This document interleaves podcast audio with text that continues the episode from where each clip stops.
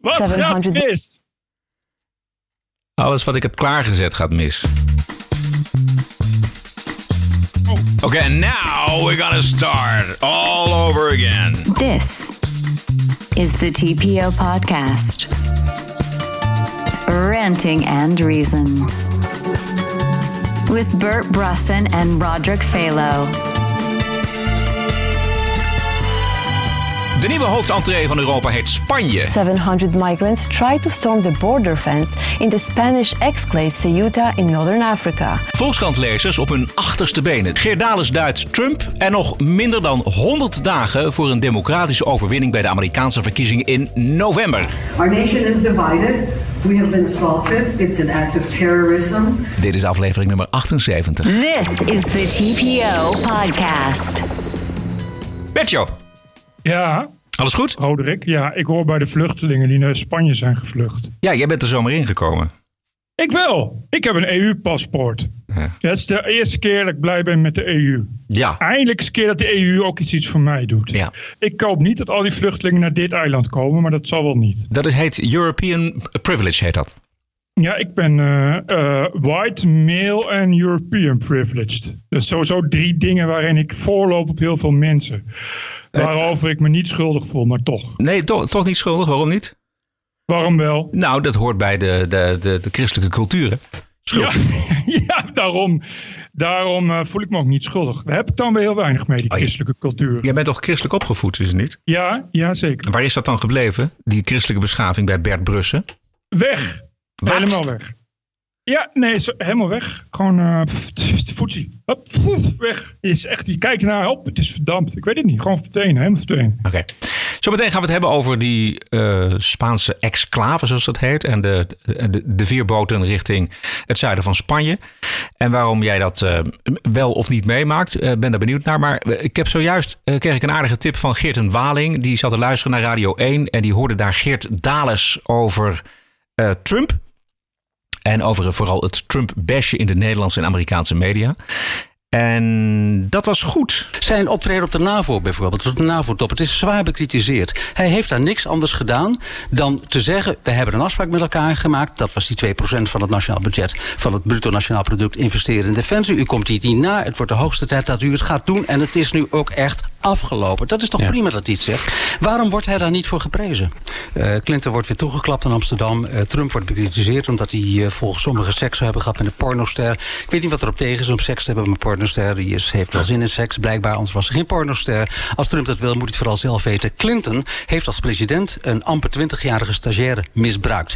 Die heeft een sigaar in haar vagina gestoken. Ja, maar dit die man je- heeft zwaar misbruik gemaakt van zijn macht. Heeft het leven van deze vrouw verwoest. Trump heeft Laat me even uitpraten. Laat me even die vrouw verwoest. Deze man wordt nu toegeklapt als een geweldige held. Terwijl Clinton wordt bekritiseerd omdat hij mogelijk, we weten het niet eens zeker, een seksuele relatie heeft gehad met een pornoster. Is dat nou objectief nieuws? Juist. Heel juist. Heel juist. Jij had vorige week beloofd om een eh, standbeeld voor hem te kleien, te boetseren. Ben ik al mee bezig. Dat, Het, dat eh, komt alleen maar dichterbij met dit soort eh, optredens van Geert Dales. Ja, ik eh, heb besloten om een standbeeld eh, van Geert Dales te gaan maken uit luciferhoutjes. Dus het gaat iets langer duren. Maar dat wordt dan ook een heel groot, echt een eh, goed gelijkend standbeeld. Levensgroot. Maar waarom luciferhoutjes, Bert? Nou, ik denk klei is wel heel makkelijk. Terwijl luciferhoutjes, dat zit toch een beetje, eh, nog een beetje kunst in. Misschien krijg je er ook nog wel subsidie voor. Eh, en daar ben ik ook een beetje, eh, een beetje met tijd kan ik daarin kwijt, wat ik Ja. zeggen. Maar dit zijn twee dingen die hij zegt. Hij zat daar op Radio 1 met, tegenover Victor Vlam. Ook goed van Ja. de tongriem, tongriem gesneden, deze, deze jongen. Maar Geert Dales die wist zich goed te weren en kwam met, voortdurend met voorbeelden aan. Het lijkt misschien enigszins eh, door te dringen dat het niet helemaal evenwichtig gaat, die berichtgeving over Donald Trump. Dat zou tijd worden. Ja, dat zou tijd worden.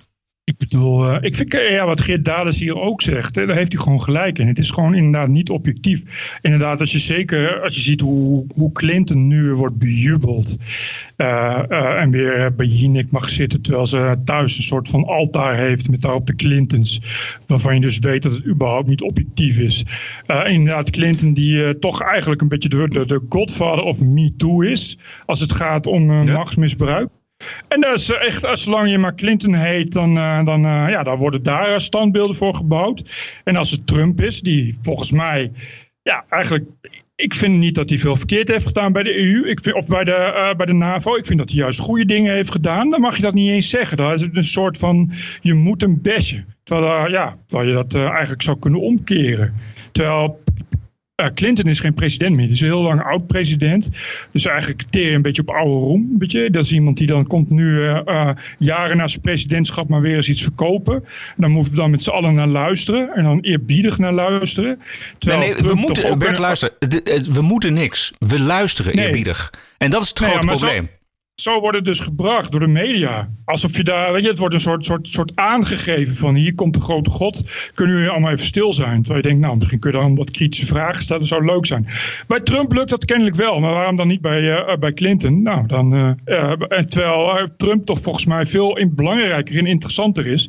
En daar is alleen maar kritiek, bijna echt zoeken naar kritiek. Ook ja. als, er, als het wel positief is, dan alsnog doen we daar iets, iets kritisch over. Het mag gewoon, het is alsof het ook gewoon niet positief mag. En het is een soort, soort sleets cliché geworden, een soort volkssport om met z'n allen Trump te haten. Terwijl, uh, ja, ik heb nog steeds heel weinig bewijzen gezien wat er dan allemaal precies misgaat in Amerika wat dan Trump ligt. Dat lijkt maar niet te komen. Ik krijg alleen maar altijd te horen dat het, uh, ja, allemaal abstracte ideeën, dus dat het een racist is en een vrouwenhaat en weet ik veel wat.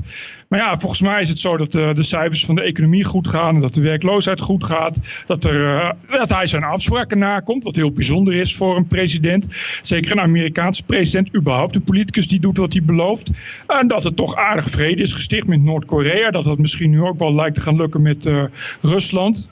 Ja, you name it. Weet je, het zijn toch alleen maar volgens mij positieve dingen. En die zijn feitelijk. Terwijl de niet-feitelijke dingen, die moeten we dan de hele dag horen. Namelijk dat hij uh, inderdaad seks zou hebben gehad met een pornoster. Een vrouw bij de poesje zou hebben gegrepen. gegrepen en uh, verkeerd eet. En, uh, en zijn vrouw en weet ik veel wat. Dat, hij, dat we om de toon moeten denken. En dat hij dingen op Twitter zegt. Ja, dat zal allemaal wel. Maar ja, is het niet gewoon dan de taak voor de journalist om, van de journalistiek om dan bij de feiten te blijven? Dat je dan op zijn minst zegt, nou, er zijn ook positieve feiten en die gaan we nu ook brengen. En dat gebeurt dus gewoon niet. Zo meteen aan het eind van de show nog meer uh, over Trump. Uh, maar laten we eerst eventjes kijken naar het nieuws van deze week. Het belangrijkste nieuws eigenlijk is dat Spanje het nieuwe doel van uh, Afrikaanse immigranten is. Afgelopen week zijn er 1400 Afrikanen aan wal gebracht vanuit boten op zee. En de hoge hekken van het stukje Spaans grondgebied in uh, Marokko wordt bestormd. 700 migrants tried to storm the border fence in the Spanish exclave Ceuta in northern Africa. Hundreds of them made it across and have now been placed in increasingly overcrowded short-stay immigrant centers. The new socialist Spanish government decided in June to welcome NGO vessels with African migrants on board that had earlier been refused to dock in Italian ports by the new populist government in Rome. Since then, migrant arrivals in Spain have surged. More than 20,000 have been registered in 2018, and the country has now surpassed Italy and Greece as the country which receives the largest number of non European illegal migrants. Another important symbolical decision was the government's announcement that it would dismantle the barbed wires and fences of its Spanish border in the North African exclave Ceuta. Today, 700 African migrants launched an attack on the border fence between Morocco and Spain in Ceuta. The police described the raid as the most massive and violent in recent time. Wat krijg je daarvan mee? Het punt is natuurlijk een beetje dat dit allemaal uh, Spanje-Europa is. Uh, en de eilanden hier uh, nogal autonoom zijn. Maar het is wel zo dat uh, de eerste bootjes ook alweer richting de eilanden zijn gevaren. Mm -hmm. met vluchtelingen. Waar komen die aan? Uh, ik weet ik niet, ik, maar ik vermoed op uh, ofwel Lanzarote ofwel Fuerteventura, want dat zijn de eerste eilanden. Je hebt Lanzarote, Fuerteventura en dan pas uh, Gran Canaria en dan pas Tenerife. maar die worden zo snel mogelijk weer naar, naar het vasteland gebracht. Want ja. dat hebben ze jaren geleden hebben ze hier wel een probleem gehad. Dat je inderdaad beelden zag van aangespoelde asielzoekers tussen de zonnende badgasten. Dat was niet zo'n niet zo fijn idee gericht op het toerisme, zal ik maar zeggen. Dus daar hebben ze paal en perk aangesteld. En ik weet toevallig dat er inderdaad in het, uh, want het is allemaal Sahara-gebied waar je dan moet, uh, moet gaan komen. Dat is zeg maar uh, de westhoek van, van, van het Afrikaanse continent.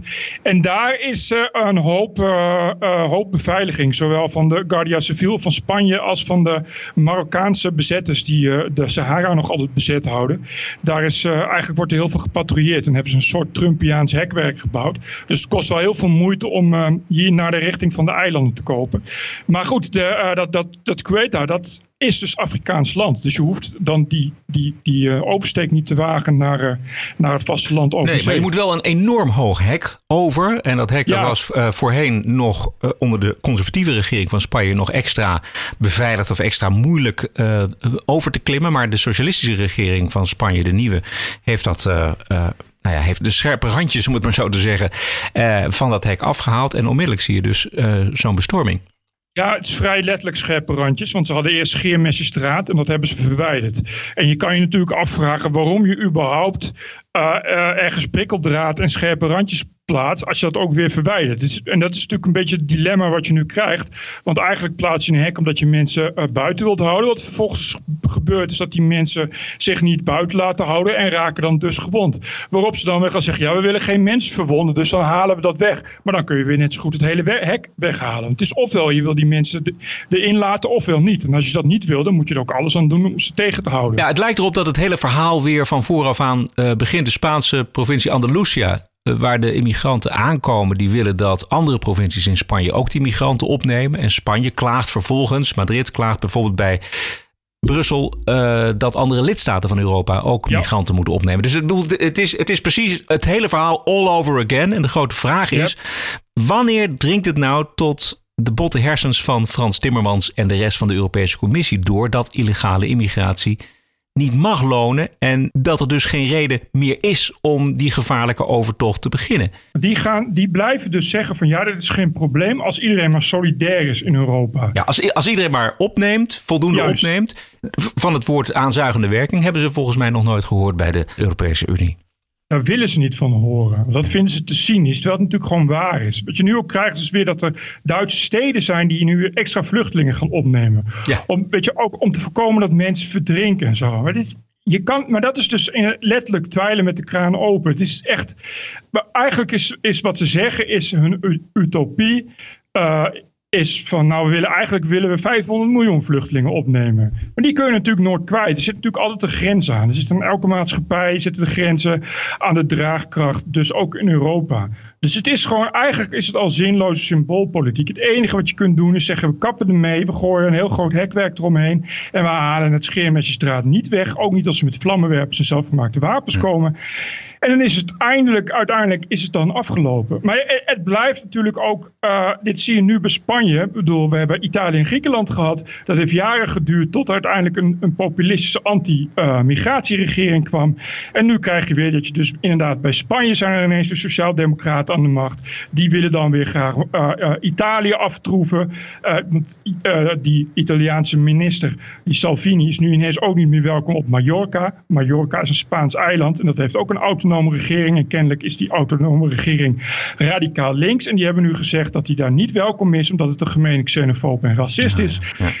Nou, ik geef het uh, de mensen op Mallorca te doen. Als er straks honderdduizend uh, vluchtelingen per bootje naar Mallorca gaan, moet jij eens kijken hoe snel ze massaal populisme gaan stemmen. Dus dat is wat er nu blijft gaan gebeuren. Volgens de, Europese, de EU-president Donald Tusk doet de Europese Unie echt alles wat het kan. When it comes to the global refugee crisis, the EU continues to assume its responsibility by receiving people in need of protection. At the same time, we should crack down on human smugglers that exploit vulnerable people and violate sovereign borders. I welcome that the International Criminal Court prosecutor is investigating the smugglers in Libya for crimes uh, against humanity. We should treat them via a system of international sanctions just as harshly as those engaged in terrorism and piracy. Dit is dus Donald Tusk, de EU-president. En hij houdt, dat is heel grappig wat hier gebeurt. Hij houdt dus het, het verschil tussen vluchtelingen en migranten houdt hij vaag.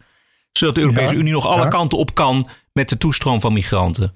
En hij kondigt sancties aan tegen mensensmokkelaars. Nou, dat, Het is echt- dat zal ze leren. Ja, ze hebben nu al een aantal mensensmokkelaars. Hebben ze dus inderdaad onder sancties staan. En dat betekent dat ze Europa niet in mogen. En dat hun tegoeden worden bevroren. Nou, je zult zien dat ze bibberend in hun bedje liggen. Daar op de kust van Libië. Want zoals je begrijpt zijn dat natuurlijk eh, hele redelijke jongens. Die heel eh, geciviliseerd zijn. En eh, ja, toch... eh, toch erg betrokken zijn met hun positie in de moderne maatschappij, nietwaar? Het is natuurlijk echt die Rijnse symboolpolitiek, waar echt, ik bedoel, in Libië is het, is het nog steeds één grote chaos, één grote puinhoop. En ik heb ook niet het idee dat eh, de EU daar eh, heel veel slagkracht heeft, of ook maar enige organisatie gaat om iets te doen tegen mensen, smokkelaars.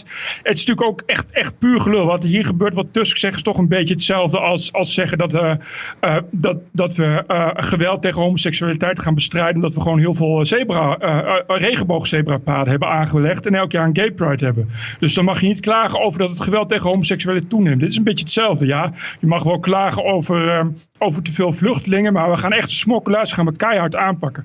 Terwijl iedereen weet dat het natuurlijk echt zinloos is. Het is ook echt, echt de rechtsstaat heeft daar ook helemaal geen haken en ogen aan. Nogmaals, dit zijn mensen die natuurlijk ook helemaal helemaal niets te verliezen hebben. Dus je wordt niet mensensmokkelaar als je, als je een keurig bedrijf hebt en, eh, en familie in Europa. En, en dat je elk jaar eh, zes keer per jaar eh, naar Barcelona vliegt om daar zaken te drijven. Ja, Dit exact, zijn natuurlijk ja. echt, echt piraten, letterlijk Ja, piraten. En dan met sancties aankomen. Alsof die, die mensensmokkelaars denken van nou, oh, dat zal mijn handel zal dat, eh, ernstig treffen. Dus laat ik me op iets anders gaan storten. Totale Ja, het onzin. is, het is, het, volgens mij, ja, ik weet niet. Het, volgens mij zijn die mensensmokkelaars gewoon ook ad hoc kruimelaars die, die, die daar wonen. En weten van als ik tegen, tegen een, groepje, een groepje wanhopige mensen zeg betaal mij 100 euro.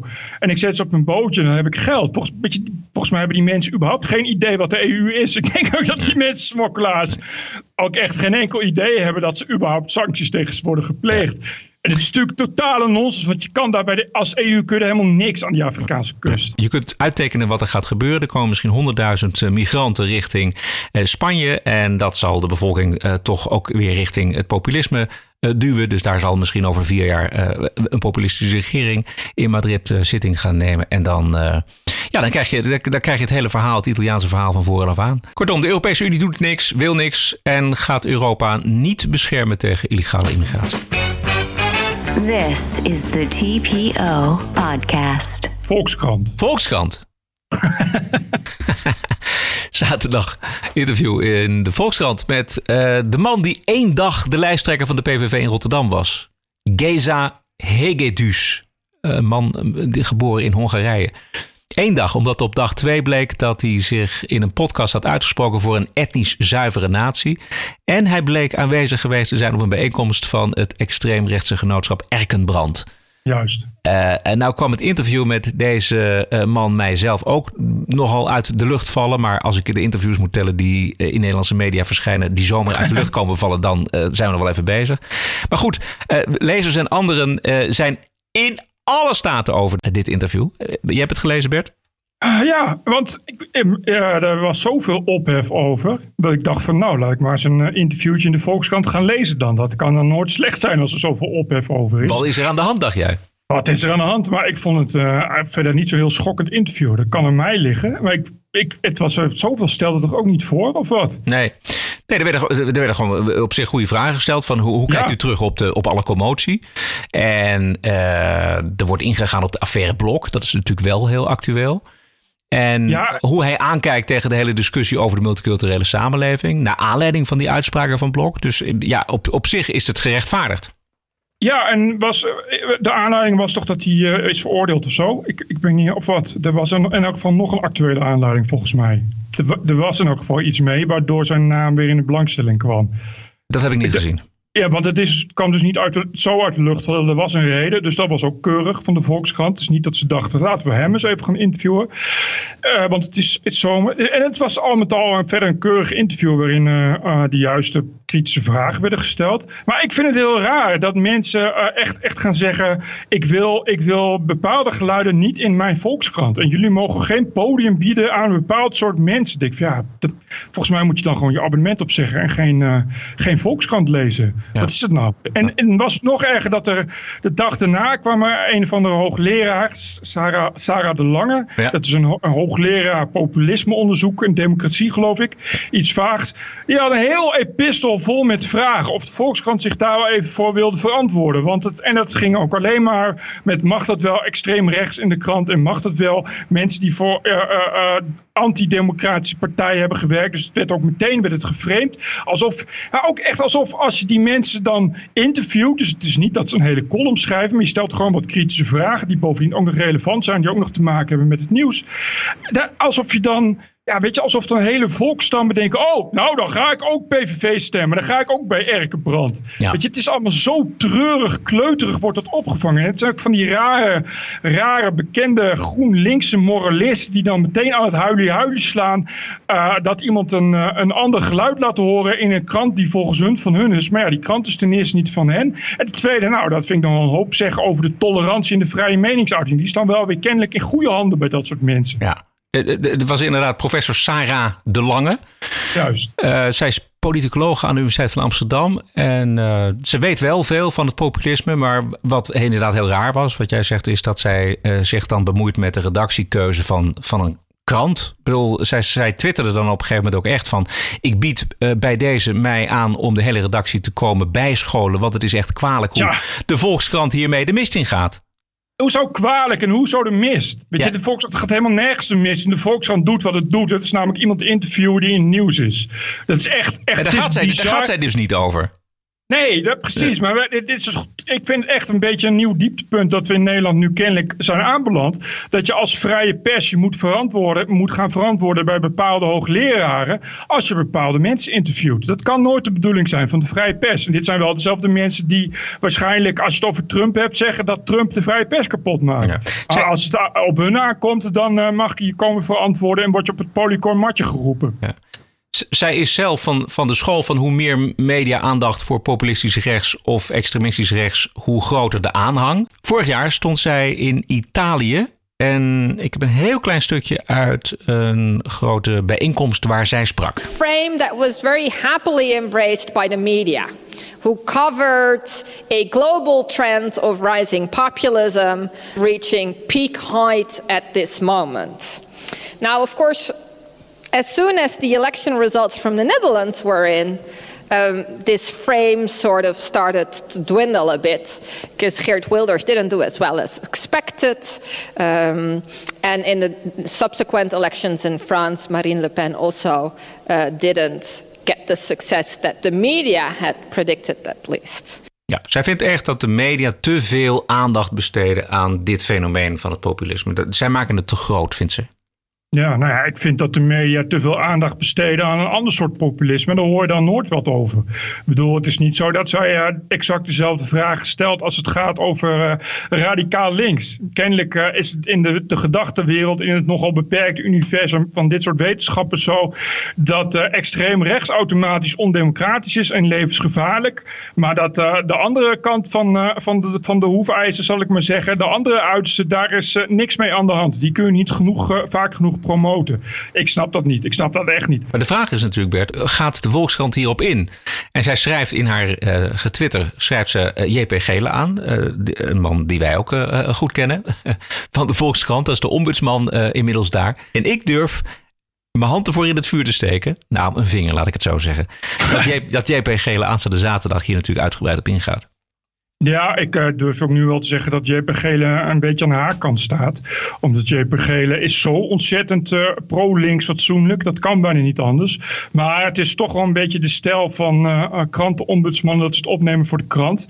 Dus hoogstwaarschijnlijk gaat het ook nog wel meer, meer dan Sarah de Lange zou willen in de richting van ja, de, de, de redactie heeft er goed over nagedacht. En nou ja, kijk, ik vind het, het is een goed recht om je vraag te stellen aan de ombudsman. Daar is die voor. Maar ik kan je, ik, ik kan je toch ook wel eh, nu al vertellen dat wat de redactie betreft, die daar gewoon achter staat. En die gewoon zeggen, nou, we hebben dat gewoon, eh, eh, gewoon gekozen en uitvoerig gebalanceerd uh, hebben we dat ook gedebatteerd en uitgesproken. Moeten we dat doen? En we vonden het gewoon wel uh, nieuwswaardig. Nou, dat vind ik een hele goede keuze. En dat is ook, ook, ik vind het juist enger, dat vind ik het rare, als dit soort mensen gelijk krijgen. En redacties voortaan gaat zeggen, we gaan bepaalde mensen gaan we hoe dan ook weigeren om een interview te verlenen. Dat vind ik veel erger. Dat is wat bijvoorbeeld een blad als Trouw doet. Die zeggen, we gaan hoe dan ook geen podium geven aan Geert Wilders of Geert Wilders stemmers. Ja, ik vind dat je daarmee gewoon een hele groep uitsluit. En dat is pas antidemocratisch. Daar zouden de Sarah de Lange zich moeten over opwinden. Dat er media zijn in bepaalde landen die zichzelf kwaliteitsmedia noemen.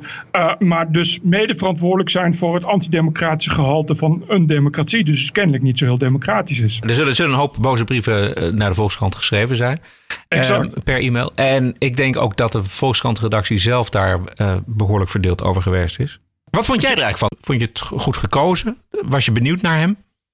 Nou, nee, ik, ik, ben niet echt benieuwd naar hem. Dus ik, ik, het is wel een het is beetje... Een overbodig interview eigenlijk. Het, het is wel, ik, op die manier is het een overbodig interview. Dat ik, dat ik denk van dit, volgens mij is het een PVV'er die uh, één, dag, één dag in de belangstelling stond. En toen alweer weg was. Ja. Uh, ja, en weet je, omdat hij, omdat hij ja, heeft natuurlijk, natuurlijk een beetje de dubieuze uitspraken gedaan. Maar ik vind het hele gedoe over Erkenbrand en over, over, over van die Einzelgangers die iets zeggen over, over white supremacy en zo. Dat vind ik altijd zo, weet je, het, het wordt juist door de media wordt het heel groot gemaakt. Dus als je dan al een probleem hebt met het uh, podium bieden voor extreem rechts, moet je, moet je daar gaan kijken. Moet je je afvragen of je nou echt elke keer als iemand iets tweet over Erkenbrand, wat volgens mij uit tien, uit tien uh, tien personen bestaat. Of je daar dan uitgebreid media aandacht aan moet besteden. Dus wat dat betreft is het wel overbodig. Maar ik vond het verder.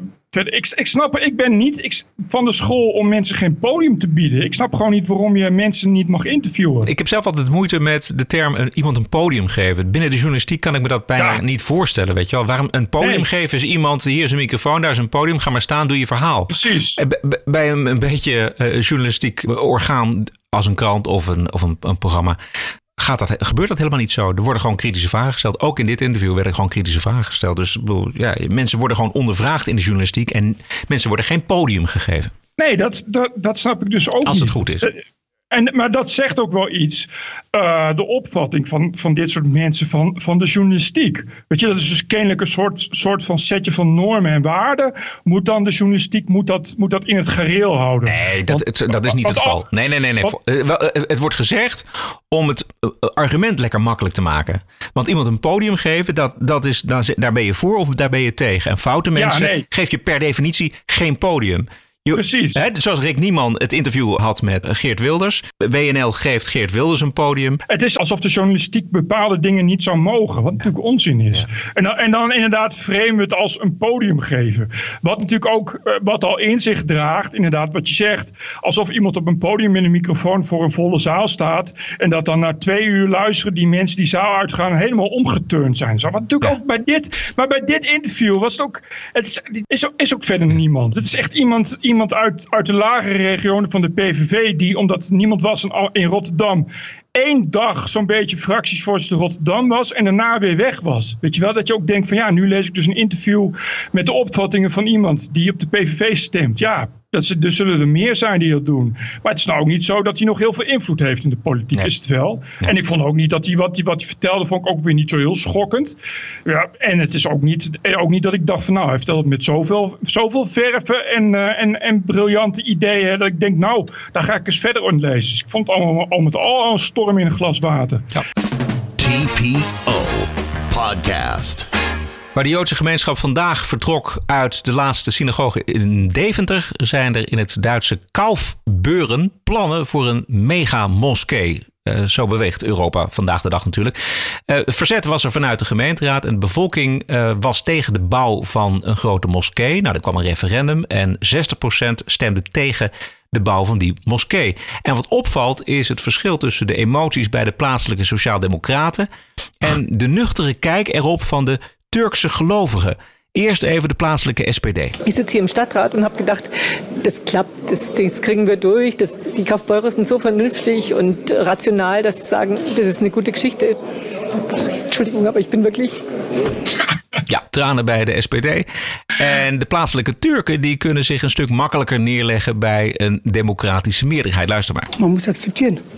Und wir sind äh, demokratisch genug, auch eine Niederlage stolz zu akzeptieren. Geweldig. Beter kun je, kun je het probleem eh, niet illustreren van de sociaaldemocratie, zal ik maar zeggen. Die, die mensen zelf, die, die, die Duitse PvdA's, die vinden het nog allemaal erger en belangrijker. Terwijl ze nog nooit de voet in die moskee gaan zetten, waarschijnlijk, dan die moskeegangers, dan die moskeegangers zelf, de Ja. Turken. Ja, dat is een mooi, mooi bericht van eh eh, Sietske Bergsma, eh het, het TPO-correspondent in, in Duitsland. Maar Bert, er zit wel een allertje onder het gras.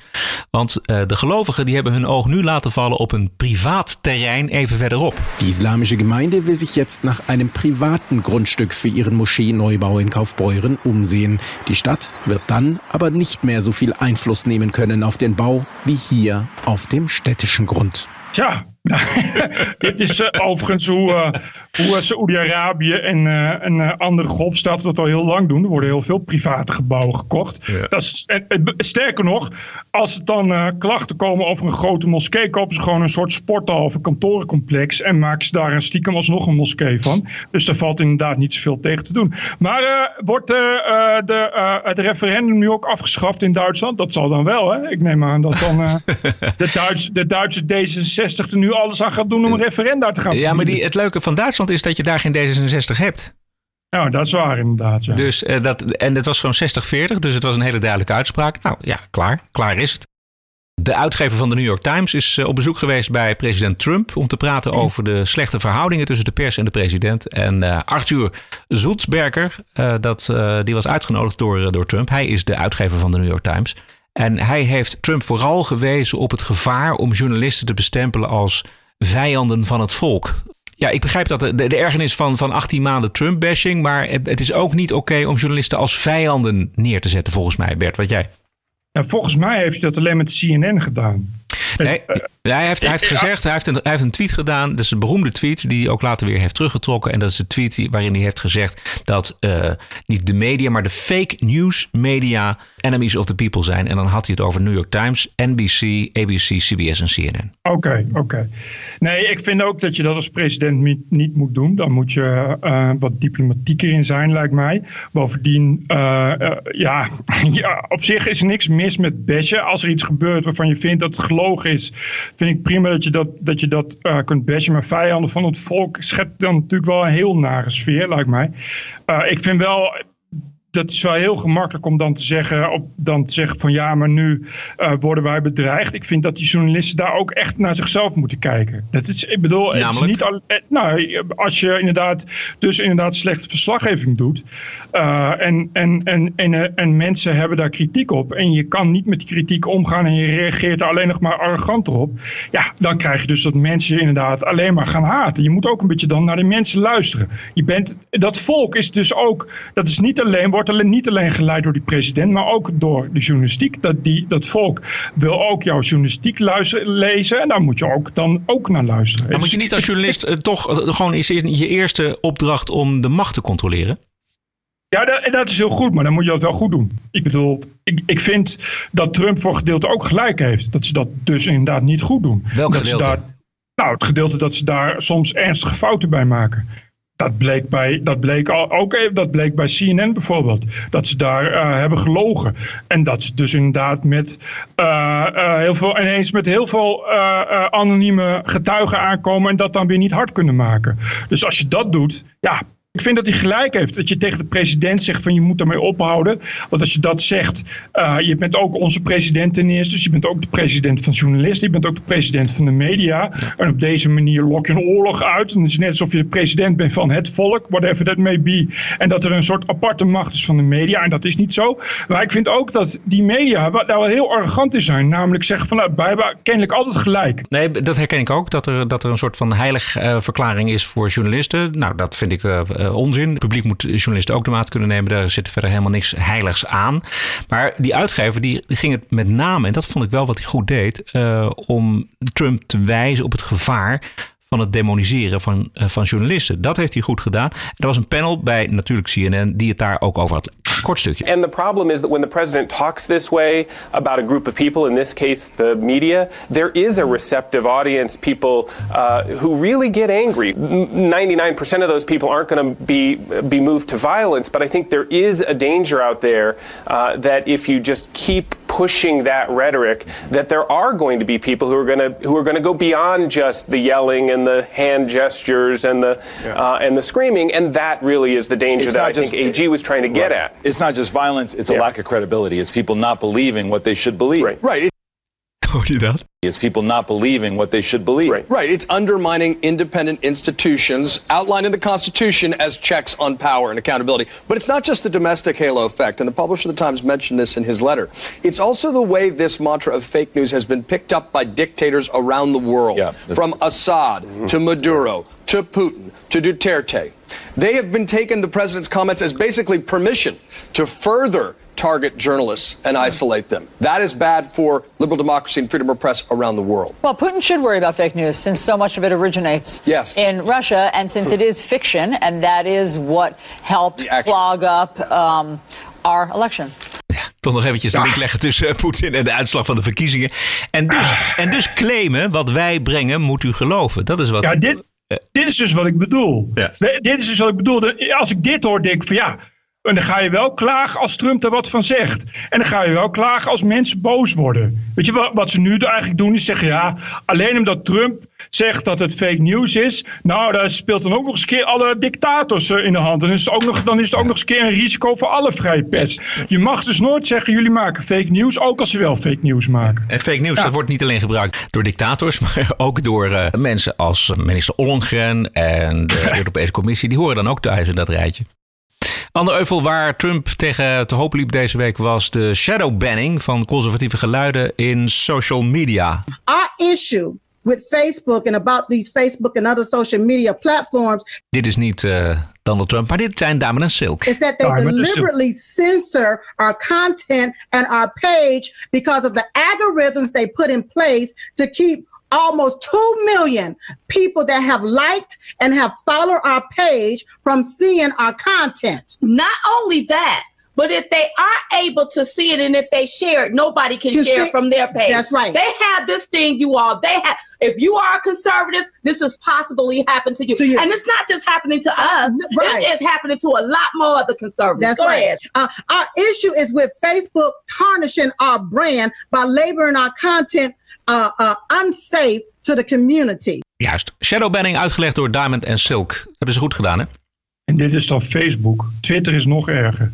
Maar ik, volgens mij was het zo dat Facebook überhaupt al inderdaad bezig is met, eh, ook als je eh, iets verkoopt, dat je dan ook geen eh, conservatieven meer kunt targeten, zoiets. Dat was sowieso al iets over conservatieve gebruikers, die zitten heel erg in het verdomhoekje. Maar sowieso de, po- de politieke berichtgeving op Facebook is zit in het verdomhoekje. Want ze hebben gekozen Ja. voor, voor iets anders. Namelijk gezellig, leuk, vriendelijk en feest. Het is feest in de wereld. Dus, Ja, dus, dus dat, geldt, dat, geldt voor links en dat geldt sowieso dat geldt ook voor, voor conservatieven. Maar jij zegt, het, bij Twitter is het nog erger? Nou, de- die shadowbanning is gewoon een ding. Eh, dat is, dat is ook, ik, zie- ik zie dat zelf ook bij TPO. We hadden echt in een, in een lange tijd dat we eh, een hevige volgersgroei hadden.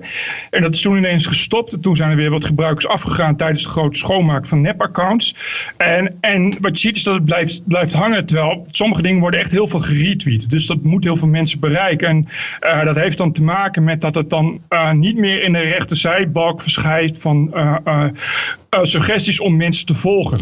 De- iemand heeft het voor ons getest en dat heeft dan ook te maken met hoe je volgers reageren. En daar zitten dus uiteraard bij TPO Publiek heel veel volgers die ook alweer een shadowban hebben omdat ze te radicale dingen zeggen. En dan heeft dat een soort sneeuwbaleffect waardoor je geen volgers meer kunt winnen. En dat heeft dan puur te maken met ja, dat je eigenlijk niet zo de goede mening hebt. En dat is natuurlijk niet oké. Een miljoen leden eh, zijn ze eh, eh, armer. Ja, ja. En dat heeft ook wel weer gevolgen voor de, voor de koers op de beurs. En het, hetzelfde gebeurt met Facebook. Ik bedoel, het- we denken, we leven nu in het idee dat die eh, er altijd zullen zijn, deze Facebook en Twitters. Maar dat zal wel eens eh, heel anders kunnen zijn Nou, over een jaar. Het grootste beursverlieswaarde in de history van de beurs, geloof ik. Wat was het? Zoveel, zoveel honderd miljard in één klap verloren. Facebook, dat, ja. was, dat was geen kattenpis. Uh, dus eh, toen, toen dacht ik inderdaad ook al van... dit is volgens mij eh, eh, inderdaad toch wel een wake-up call... dat dat Facebook eh, hoeft er echt niet voor eeuwig te zijn. Dit is, want wat er nu gebeurt, is dat je aandeelhouders ontevreden gaan worden. En als straks heel veel aandeelhouders boos worden en investeerders weglopen, dan is het andere koeken dan alleen maar dingen aanpassen. Dan is je bedrijf dus gewoon in gevaar. En dat heeft toch wel eh, verregaande betekenissen, denk ik. Ja. TPO Podcast.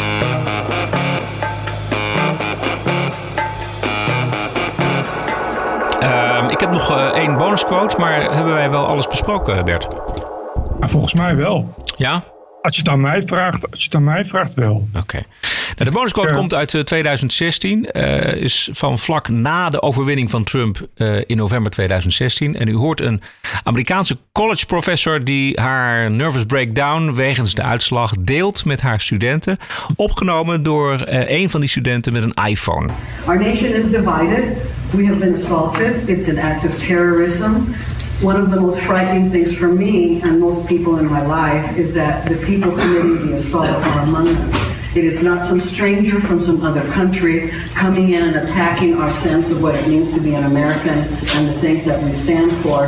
And that makes it more painful because I'm sure that all of us as people in our families and our circle of friends that are a part of that movement, and it is very difficult. We are way beyond Republicans and Democrats, and we're really back to uh, being a civil war. And I don't mean it in a fighting way, but our nation is divided as clearly as it was in Civil War times. And my hope is that we will get some good leadership to help us to overcome that. Um, I will go over some coping skills, but before I do that, I do want you to know that the optimist in me, uh, first of all, we are the majority.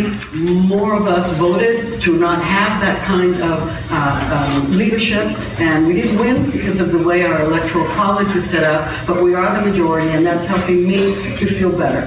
Ja, het is, is een beetje moeilijk te verstaan, maar dit is dus een, eh, een college professor die ja, haar, haar verdriet en haar walging met de uitslag van de verkiezingen deelt met haar studenten. Noemt ze nou een act of terrorism? Ja, dit is een, ja, nou?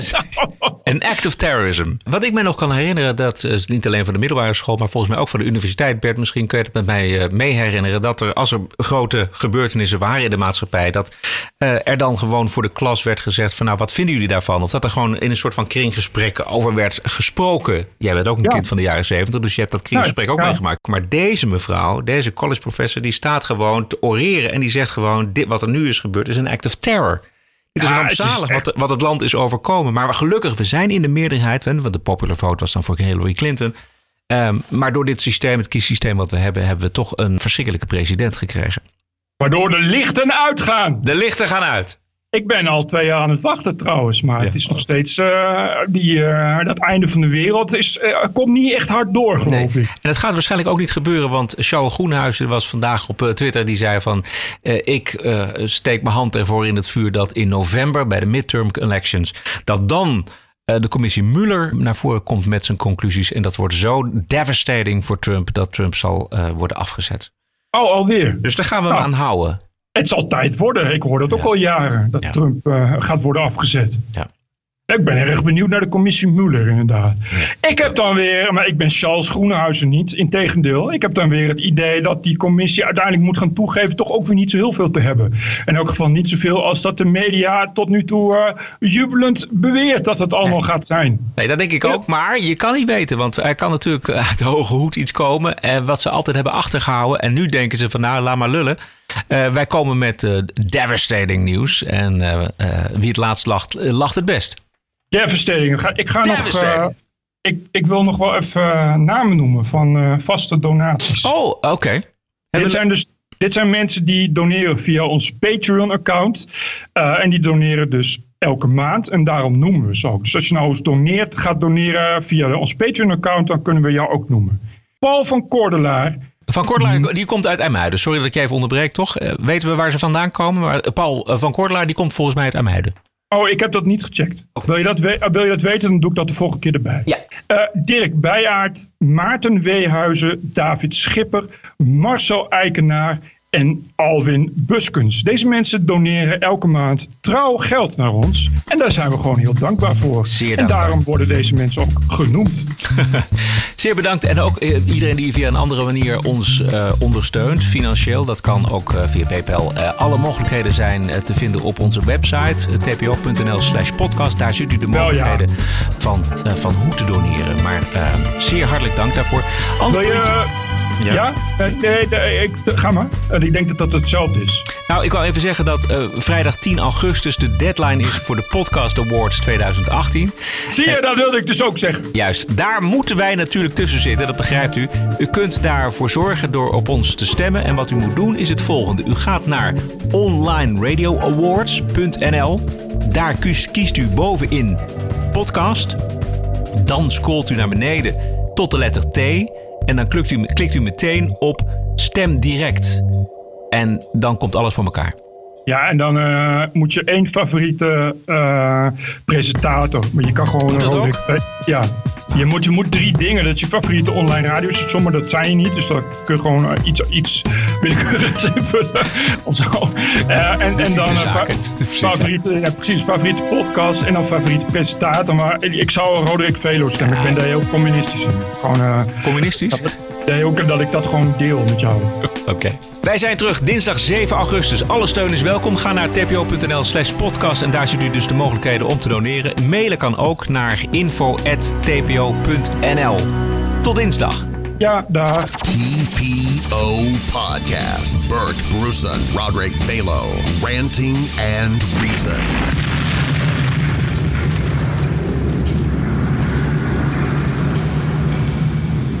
Dat was hem. Dat was hem. Podcasting is the TPO podcast in the Netherlands. Bert and Roderick. What a show. I'm telling you.